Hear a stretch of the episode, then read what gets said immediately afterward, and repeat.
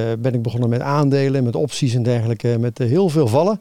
En altijd weer opstaan. Hè. Zolang je volgens Mohammed Ali maar één keer vaker opstaat dan je valt, dan uh, komt het helemaal goed. Dus, ze zijn ook al gelijk, op het moment dat ze geboren zijn, gelijk zijn ze begonnen met, met beleggen. 90% van de particuliere beleggers is niet succesvol, omdat ze dus inderdaad zichzelf overschatten. Als je dan geld wil verdienen, dan moet je dus precies het tegenovergestelde doen. Moet je namelijk je winsten laten doorlopen en je verliezen afkappen. Op school mocht je nooit afkijken. Nou, nu mag je afkijken. Sterker nog, je moet afkijken. En toen hadden we een enorme schuldencrisis en die is opgelost met meer schuld. Dus dat betekent je hebt een brand en je gaat blussen met benzine. De grote vraag is dit.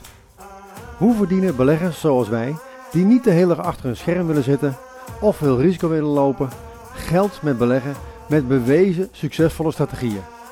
Dat was de vraag en deze podcast geeft je de antwoorden. Welkom bij de Beleg.com podcast. Daar zijn we weer met een nieuwe aflevering van Zo word je steenrijk. De podcast in Nederland waar we het heel erg graag en heel makkelijk over geld hebben. En het heel erg fijn vinden om daarover te praten. Om daarmee vooral jou nieuwe dingen te leren en jou te inspireren.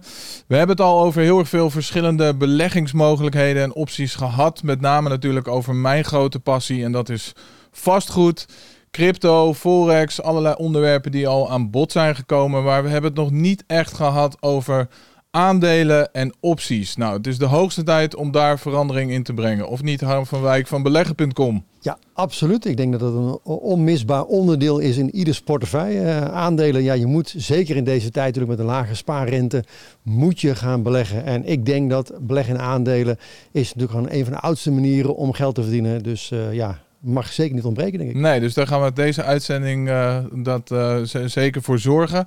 Wie is uh, Harm van Wijk? Waar kunnen we jou van kennen? Nee, ik denk dat mensen mij een beetje kennen van uh, ja, de verschillende advertenties ook uh, die ik uh, draai op YouTube. ik word al op straat herkend zelfs door een aantal, aantal mensen. wat ik vooral doe, ik help mensen om geld te verdienen met aandelen en opties. Dat doe ik onder andere door middel van een boek, door middel van een software die ik heb ontwikkeld, door middel van coaching. En ja, mijn website is beleggen.com, dus het laat verder aan duidelijkheid ook niet veel te wensen over. Denk nee, zeker niet. En op persoonlijk vlak, getrouwd, kinderen? Ja, getrouwd, twee kinderen. Lars en Sven. Dus ze zijn ook al gelijk, uh, op het moment dat ze geboren zijn, gelijk zijn ze begonnen met, uh, met beleggen. Nou ja, vroeg uh, jong geleerd, oud, oud gedaan. Ja, ben jij steenrijk, Harm? Ja, het hangt een beetje vanaf hoe je die definitie dan maakt. Hè. Uh, dat laat ik aan ja, jou. Ik, uh, ik ben geboren in een van de rijkste landen ter wereld. Uh, en binnen Nederland zeg maar, behoor ik tot een van de rijkste mensen. Ik beleg in aandelen, in opties. Ik beleg in vastgoed, in goud, zilver, crypto's. Dus op zich, nou ja, en ik voel me heel gezond. Dat is ook een hele grote, grote rijkdom. Dus zeker. Ja, volgens die definitie ben ik, ben ik zeker steenrijk. Ik ben geen multimiljardair. Dus in, als je het volgens die definitie doet, misschien weer niet. Maar ja, het hangt er een beetje vanaf hoe je naar kijkt. Maar ik voel me in ieder geval heel rijk. Nou, dat is het allerbelangrijkste en het, uh, het mooiste. En uh, wat heeft een jonge Harm van Wijk, wat heeft hij allemaal geleerd of niet geleerd over geld? Nou ja, ontzettend veel. Uh, ik heb in ieder geval, uh, ik ben geboren in uh, ja, 1969 alweer. dus, en ik ben opgegroeid in de jaren 70. En dat was met de, oliecrisis. dus je kon fietsen op de snelweg. Hè, ja. toen, nou ja, in die tijd ben ik opgegroeid. Dus mijn ouders hadden het ook niet heel erg breed. En ik had me toen voorgenomen, ja, ik wil niet dezelfde financiële zorgen hebben die mijn ouders toen hadden in die crisistijd. Dus ik ben toen bedrijfseconomie gaan studeren. Want ik wilde alles weten over hoe werkt geld. Hoe kun je geld verdienen. Dus ja, ik ben bedrijfseconomie econoom. En daar heb ik dus heel veel van geleerd. Uh, ben toen ook, toen ik studeerde, uh, gelijk gaan begonnen met, uh, ben ik begonnen met aandelen, met opties en dergelijke, met heel veel vallen. En altijd weer opstaan. Hè. Zolang je volgens Mohammed Ali maar één keer vaker opstaat dan je valt, dan komt het helemaal goed. Dus, ja, dus heel veel dingen heb je toen gezien van nou ja, hoe je het niet wilde of hoe je het anders wilde, wilde doen.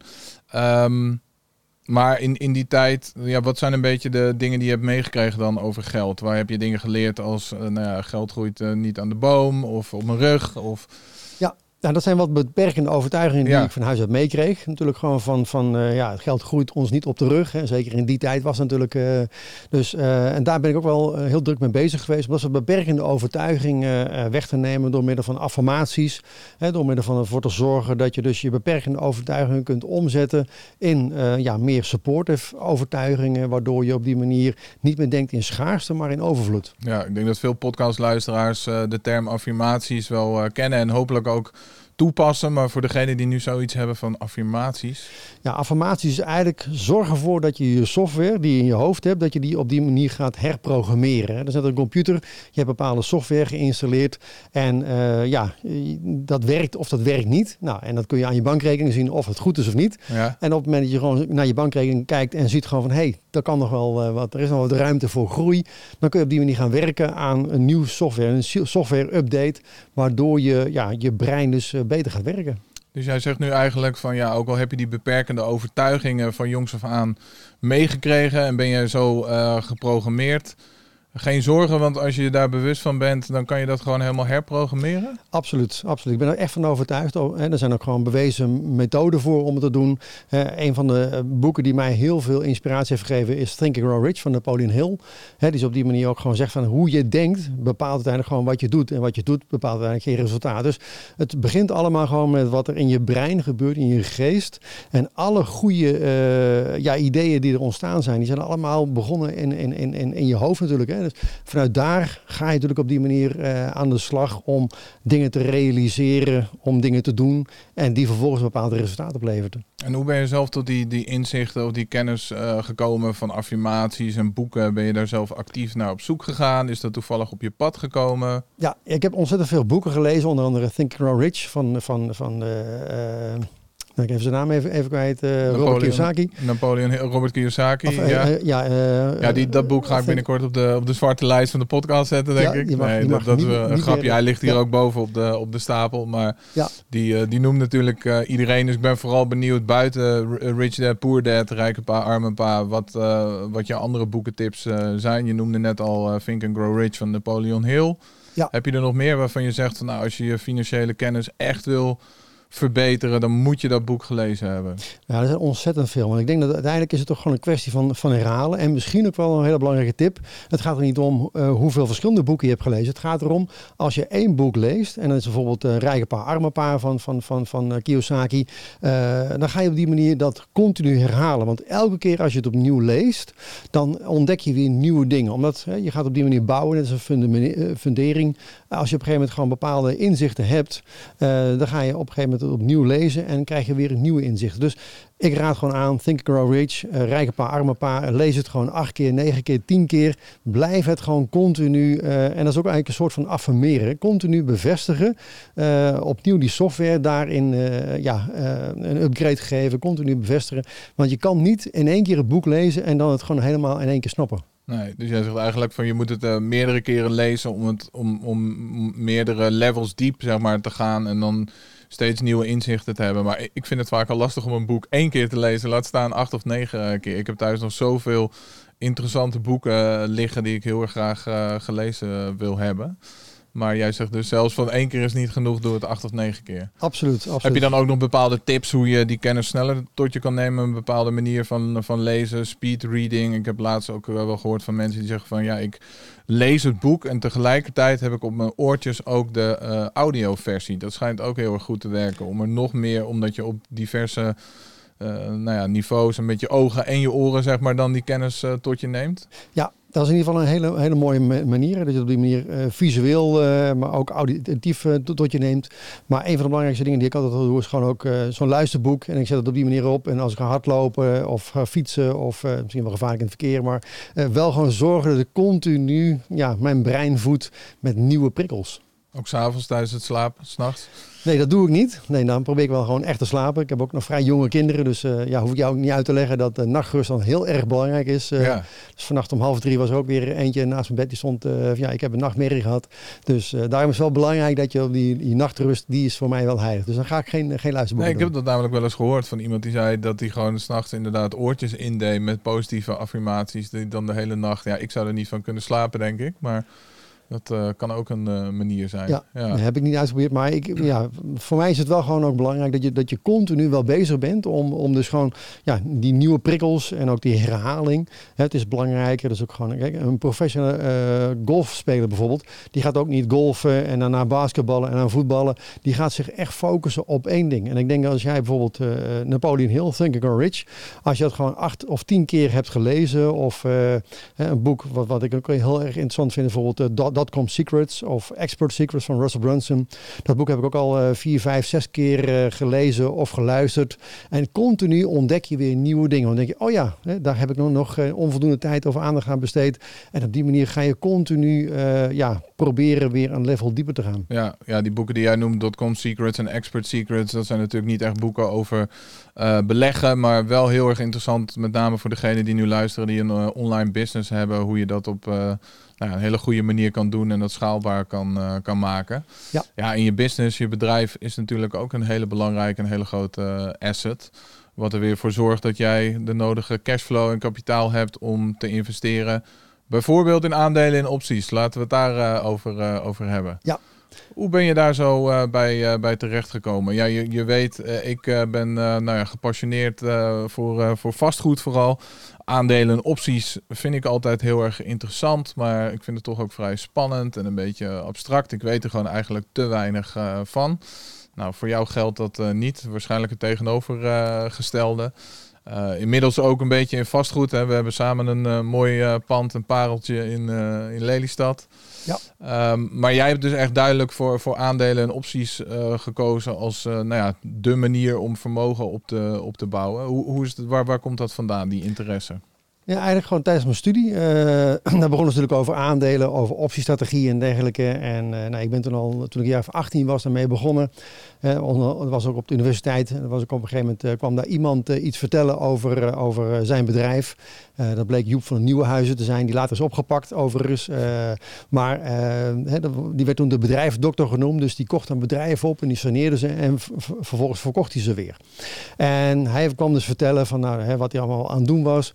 En vertelde dus ook, raadde ons allemaal aan om te investeren dus in zijn bedrijf. En nou, dat heb ik dus gedaan. Ik heb dus al mijn aandelen die ik had in mijn portefeuille verkocht. Hè, die ik had bij elkaar gefietst met allerlei krantenwijken en in kledingzaken werken en dergelijke. En, hard voor gewerkt. ja, heel hard voor gewerkt. En nou ja, omdat ik dus opgepakt werd, had het niet helemaal goed gedaan, zeg maar, daar klapte de koers dus volledig gewoon terug naar, naar nul. En, uh, dus daar heb ik ontzettend veel van geleerd. Dus ook, daar ben ik nog steeds gewoon heel dankbaar voor. Dus een van de wijste lessen is gewoon zorg ervoor dat je niet al je eieren in een mandje legt. Hè? Want als er dan iets gebeurt met het mandje, ja, dan ben je gelijk in één keer gewoon klaar. Dus daar heb ik er nu nog heel veel van, uh, van, van geleerd. Maar, maar hij had zo'n goed uh, verhaal dat jij dacht van, ja, hier geloof ik in. Ik ga all in en dan ben ik gewoon klaar voor de rest van mijn leven? Of? Ja, ik had ongeveer, ja, hij had me aardig geïnspireerd met datgene wat hij dus deed. En hij was ook heel succesvol in die tijd. Want uh, ieder radio- en tv-programma werd hij uitgenodigd om te vertellen van... Uh, hij noemde uh, de bedrijvendokter, een soort van wonderdokter. Hij kwam gewoon binnen bij een bedrijf en dan zag hij gewoon... Nou, dan moet dit, dit gebeuren en dan kunnen we op die manier gewoon weer een doorzet maken. Dus, maar ja, uiteindelijk bleek hij met, met een of ander met omkopingsschandaal... toch niet helemaal dat helemaal zuiver te hebben gedaan. En dat is uiteindelijk gewoon de val geworden van het hele Begeman-concern. En nou ja, dat heeft daar natuurlijk een enorme negatieve invloed gehad op die koers. Uh, van en, en, op jou persoonlijk, denk ik. Ja, ik was dan ook wel eventjes behoorlijk ziek natuurlijk. Want ja, je kunt je voorstellen, ik kan me nog herinneren dat uh, toen ik in een kledingzaak werkte, ik verdiende toen uh, 3 gulden 10 per uur. Hè, ik weet het nog heel goed. Uh, acht uur werken, ja, dan had je weer 25 gulden. En dan weer 10 euro verdienen. Dus je kan je voorstellen, voordat je dan een beetje wat geld bij elkaar hebt verdiend, dat ging echt wat, ja, wat zaterdagen overheen. Dus ja, op die manier heb ik toen al mijn spaargeld dus ja, gaan beleggen in een, in een bedrijf. Ik had ook op die manier gekeken naar het compounding effect, het rente op rente effect van Einstein zegt. Hè, dat is het achtste wereldwonder. Dus ja, dat is een geniaal concept. Ik dacht, nou, als ik dat nu investeer en ik ga mijn winsten herinvesteren, nou ja, dan ben ik, eh, als ik 40 eh, ben, dan ben ik, eh, dan ben ik multimiljonair. Dus maar ja, dat liep net even iets anders. En waarom was dat een doel voor jou om multimiljonair te worden? Nou, dat is gewoon een duidelijk, duidelijk doel. wat ik gewoon een stip aan de horizon had, had geprikt. Van nou, ik wil gewoon niet tot aan mijn 65 Dat was toen nog. Hè, vroeger was het tot je 65 werken. Tegenwoordig is het natuurlijk wat langer geworden. Maar uh, ja, gewoon een duidelijk doel. Ik denk dat ook een van de inzichten is die ik heb geleerd bij Napoleon Hill bijvoorbeeld. Hè, is dat je een heel duidelijk omlijnd doel moet hebben. Want als je zegt van ik wil rijk worden, ja, dan word je misschien wel rijk. Hè. Ik hoorde een keer een verhaal van iemand van die zei ik wil een ton op de bank. En een jaar later had ze inderdaad een ton op de bank. Alleen ja, het was een man en die heette Ton en die zat op de bank. dus ja, je moet heel erg duidelijk uh, specificeren wat je dus wil in het leven. Ja. Ja, want ik, ik vraag het, want er zijn weinig Nederlanders die dat uh, als, als, als doel hebben, maar helemaal weinig Nederlanders die dat uit durven te spreken. Om te zeggen van ik wil miljonair worden, ik wil multimiljonair worden. Veel mensen doen dan ook de aannemen, aanname dat het gaat dan om, om het geld. Was dat bij jou ook zo? Of, zie jij geld dan meer als een soort van graadmeter van, van succes? Ja, ik denk dat het eigenlijk een soort, soort van scorecard is om te kijken van hoeveel levens heb ik veranderd, hè? hoeveel mensen heb ik geholpen. Want uiteindelijk, als jij bereid bent uh, om mensen te geven wat jij wil, dan krijg je uiteindelijk gewoon wat jij wil. Nou, hoe meer mensen je kunt helpen, hoe meer mensen bereid zijn om een portemonnee te trekken om zich te laten helpen door jou, uh, hoe eerder jij dus gewoon je eigen doel kunt, kunt realiseren. Dus ik zie het ook echt, echt als een soort, de bankrekening is eigenlijk gewoon een soort, soort, soort Excel-sheet die gewoon aangeeft van hoeveel mensen heb ik nu echt gewoon kunnen helpen in het leven. Oké, dus dat geld en dat, dat de, doel om miljonair of multimiljonair te worden, aan de ene kant is het een doel, maar aan de andere kant zeg je, is het vooral een gevolg van de acties die jij ondernomen hebt, de waarde die jij hebt gecreëerd, hoeveel mensen je hebt geholpen. Ja, nou ja, plus welke persoon moet jij worden om uiteindelijk dat te kunnen gaan worden. En daar zit ook heel veel met natuurlijk gewoon persoonlijke ontwikkeling, hè, het lezen van boeken, zorg ervoor, want uiteindelijk volgt uh, de omzet en jouw rijkdom volgt uiteindelijk de persoon die jij bent. Dus op het moment dat jij gewoon nog bepaalde uh, eigenschappen hebt die nog niet goed zijn, hè, die je dus moet doorontwikkelen, die uh, vertalen zich weer door in jouw banksaldo. Dus daarom moet je eerst een persoon worden en uiteindelijk degene die, die jij bent, hè, die zorgt ervoor dat je uiteindelijk gewoon ook die rijkdom krijgt. Ja, want uh, we hebben het nou ja over boeken, podcasts, zeg je, affirmaties. Heb je verder nog echt hele concrete praktische tips voor ondernemers die nu luisteren, maar zeker ook gewoon voor, voor particuliere mensen die in loondienst zitten. Wat zij nou kunnen doen om ja, hun uh, geldmindset te, te verrijken en ook hun, uh, hun banksaldo?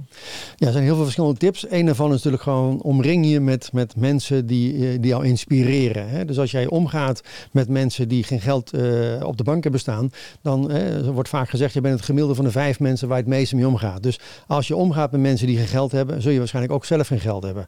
Als je dan een keer iets gaat doen waardoor je succesvol bent, dan gaan die mensen je op die manier weer proberen naar hun niveau te trekken. Nou, dus probeer het om omringen met mensen die uh, daar staan waar jij naartoe wil. He, modelleer de mensen die het succes hebben wat jij graag wil. Op die manier kun je ook, ook daarvan afkijken. Op school mocht je nooit afkijken. Nou, nu mag je afkijken. Sterker nog, je moet afkijken. Op het moment dat jij succesvol wil zijn, dan moet je gaan kijken hoe hebben die andere mensen dat gedaan? Welk pad hebben zij uh, bewandeld? En vaak willen ze je ook nog daarbij helpen om jou ook te inspireren en te vertellen hoe ze het dus hebben gedaan. Top. Ja, interessant.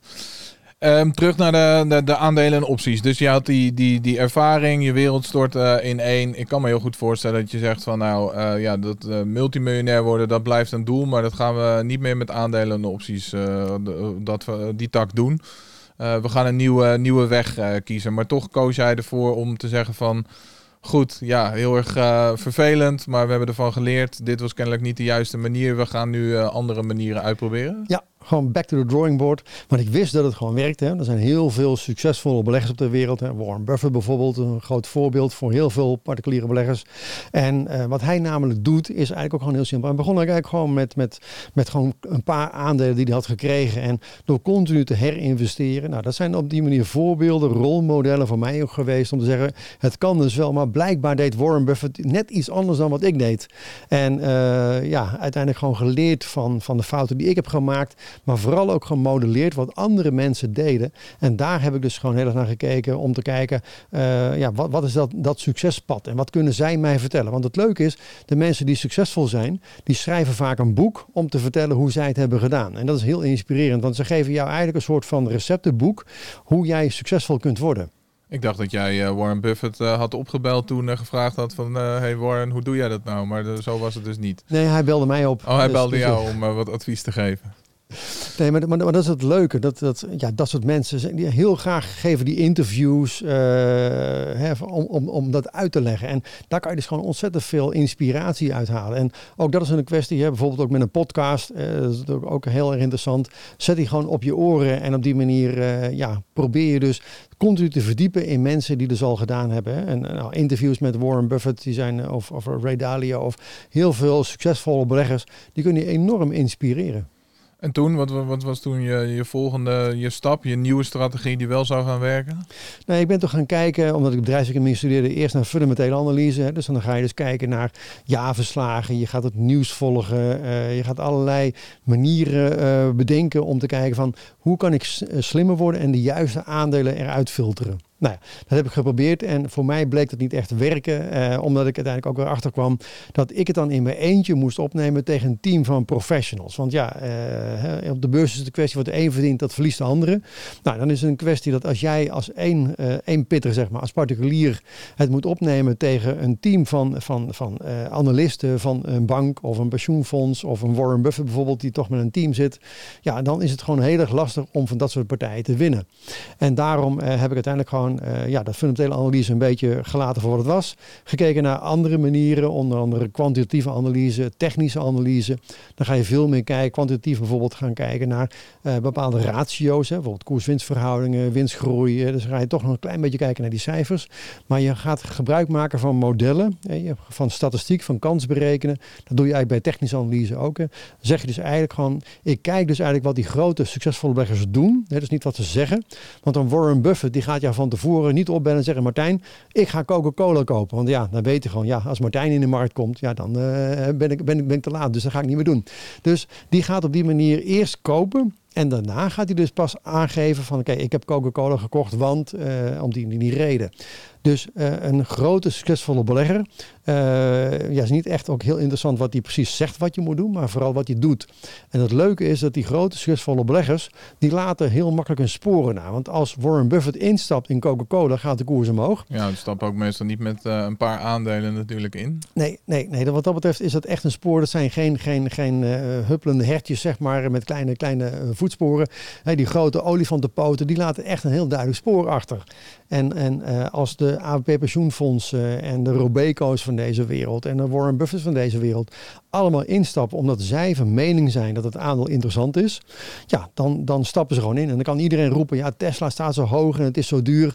Maar als dat soort grote particulier of uh, professionele beleggers aan het instappen zijn en de koers gaat omhoog, ja, wie ben ik dan om te zeggen, ik ben slimmer dan Warren Buffett en ABP pensioenfonds en Robeco bij elkaar en ik ga dan uh, verkopen omdat ik denk dat het uh, te duur is. Ja, dus, dan, dus dan ik ben je ook met die emotie aan het, aan het handelen. Nou ja, plus het is, het is, de vraag is natuurlijk gewoon eh, hoe realistisch ben jij dat, dat, dat jij denkt dat jij slimmer bent dan dat team van die, van die professionals. Hangt een beetje van je ego af, denk ik. Nou ja, maar ja. Eh, of je e- zelfkennis. Ego, ja, eh, ego wordt ook vaak als afkorting gebruikt voor echt, echt, echt geen omzet of echt geen. geen, geen dus wat dat betreft, ik denk ook dat het belangrijk is dat je dus heel goed gaat, gaat kijken hoe realistisch ben ik. Hè, als jij het gewoon opneemt, tegen, uh, tegen zo'n professional. En dan weten we vaak uit verschillende onderzoek ook dat de meeste particuliere beleggers die zijn niet succesvol. Hè. 90% van de particuliere beleggers is niet succesvol omdat ze dus inderdaad zichzelf overschatten. Hè. Dat is ook net als als jij gevraagd van ben jij een, een, een meer dan gemiddelde goede automobilist?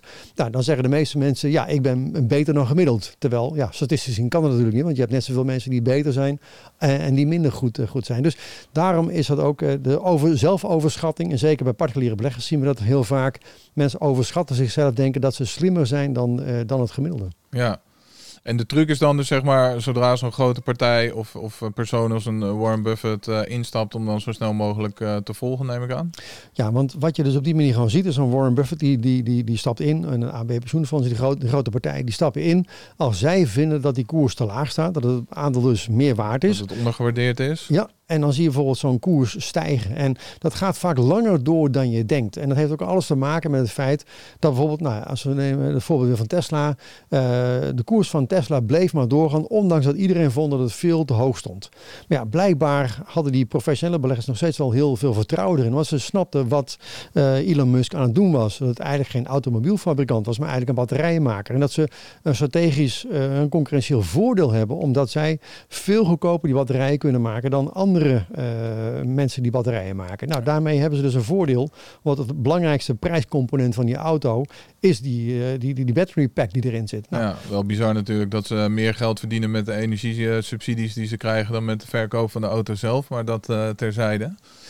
Ja, maar, maar, maar dat zijn dus ook allemaal zaken die dus een, een team van professionals allemaal boven water tilt. En dat jou van tevoren niet gaat vertellen van ja, ze krijgen zoveel subsidies.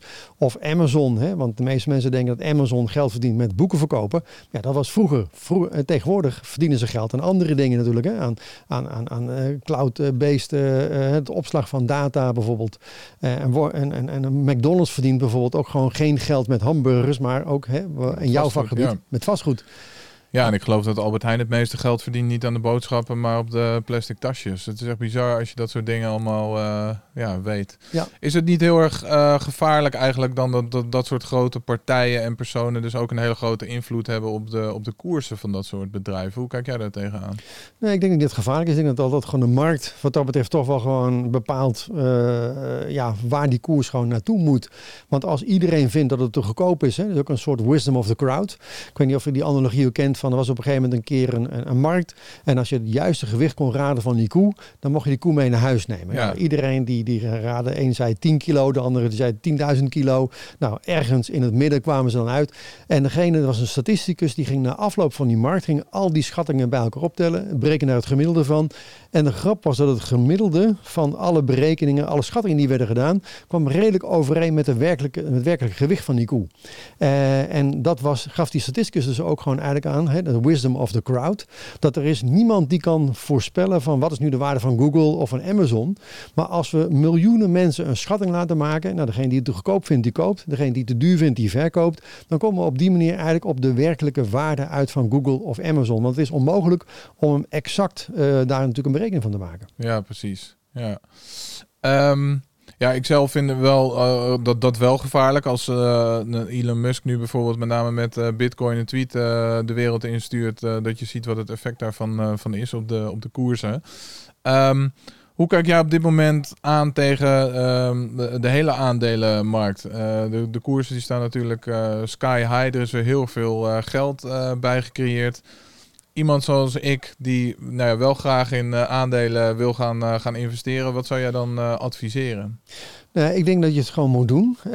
wel voorzichtig. Hè. Je moet altijd gewoon kijken wat, wat past bij jou. Is dat een fundamentele analyse, technische analyse, kwantitatieve analyse? Zorg dat je eerst snapt hoe je in elkaar zit. Ga dan vervolgens een strategie zoeken.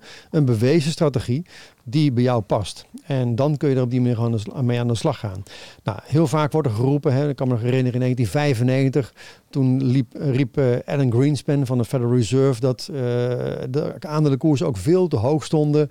Uh, exaggerated exuberance noemde hij dat. Het was, was belachelijk hoe die koersen stonden. En vervolgens gingen ze van 1995 tot 2000 nog, nog veel verder omhoog. Dus het voorspellen van waar die koersen naartoe gaan is heel erg moeilijk.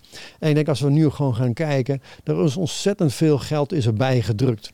En dat betekent gewoon, beleggers zijn op zoek naar gewoon, uh, ja, waar is mijn geld veilig? Hè? Waar uh, hè, moet ik het nu in goud stoppen? Maar ja, dat levert niks op. Moet ik het dan in, in, op een spaarrekening laten staan? Ja, dat levert geen rente op. Obligaties met een negatieve yield is ook niet interessant. Nou, als nu uh, heel veel geld wordt bijgedrukt, is er een kans op inflatie. Dan betekent dat de rente ook omhoog gaan. En dat betekent dat die obligatiekoersen ook naar beneden gaan. Nou, die obligatiemarkt is vele malen groter dan de aandelenmarkt. Dus het kan best zijn dat er een groot deel van die obligatiegelden richting de aandelenmarkt gaan, uh, gaan stromen. Want ik denk dat op zich die rente, die, die zal waarschijnlijk wel op gaan lopen. Hè. Inflatie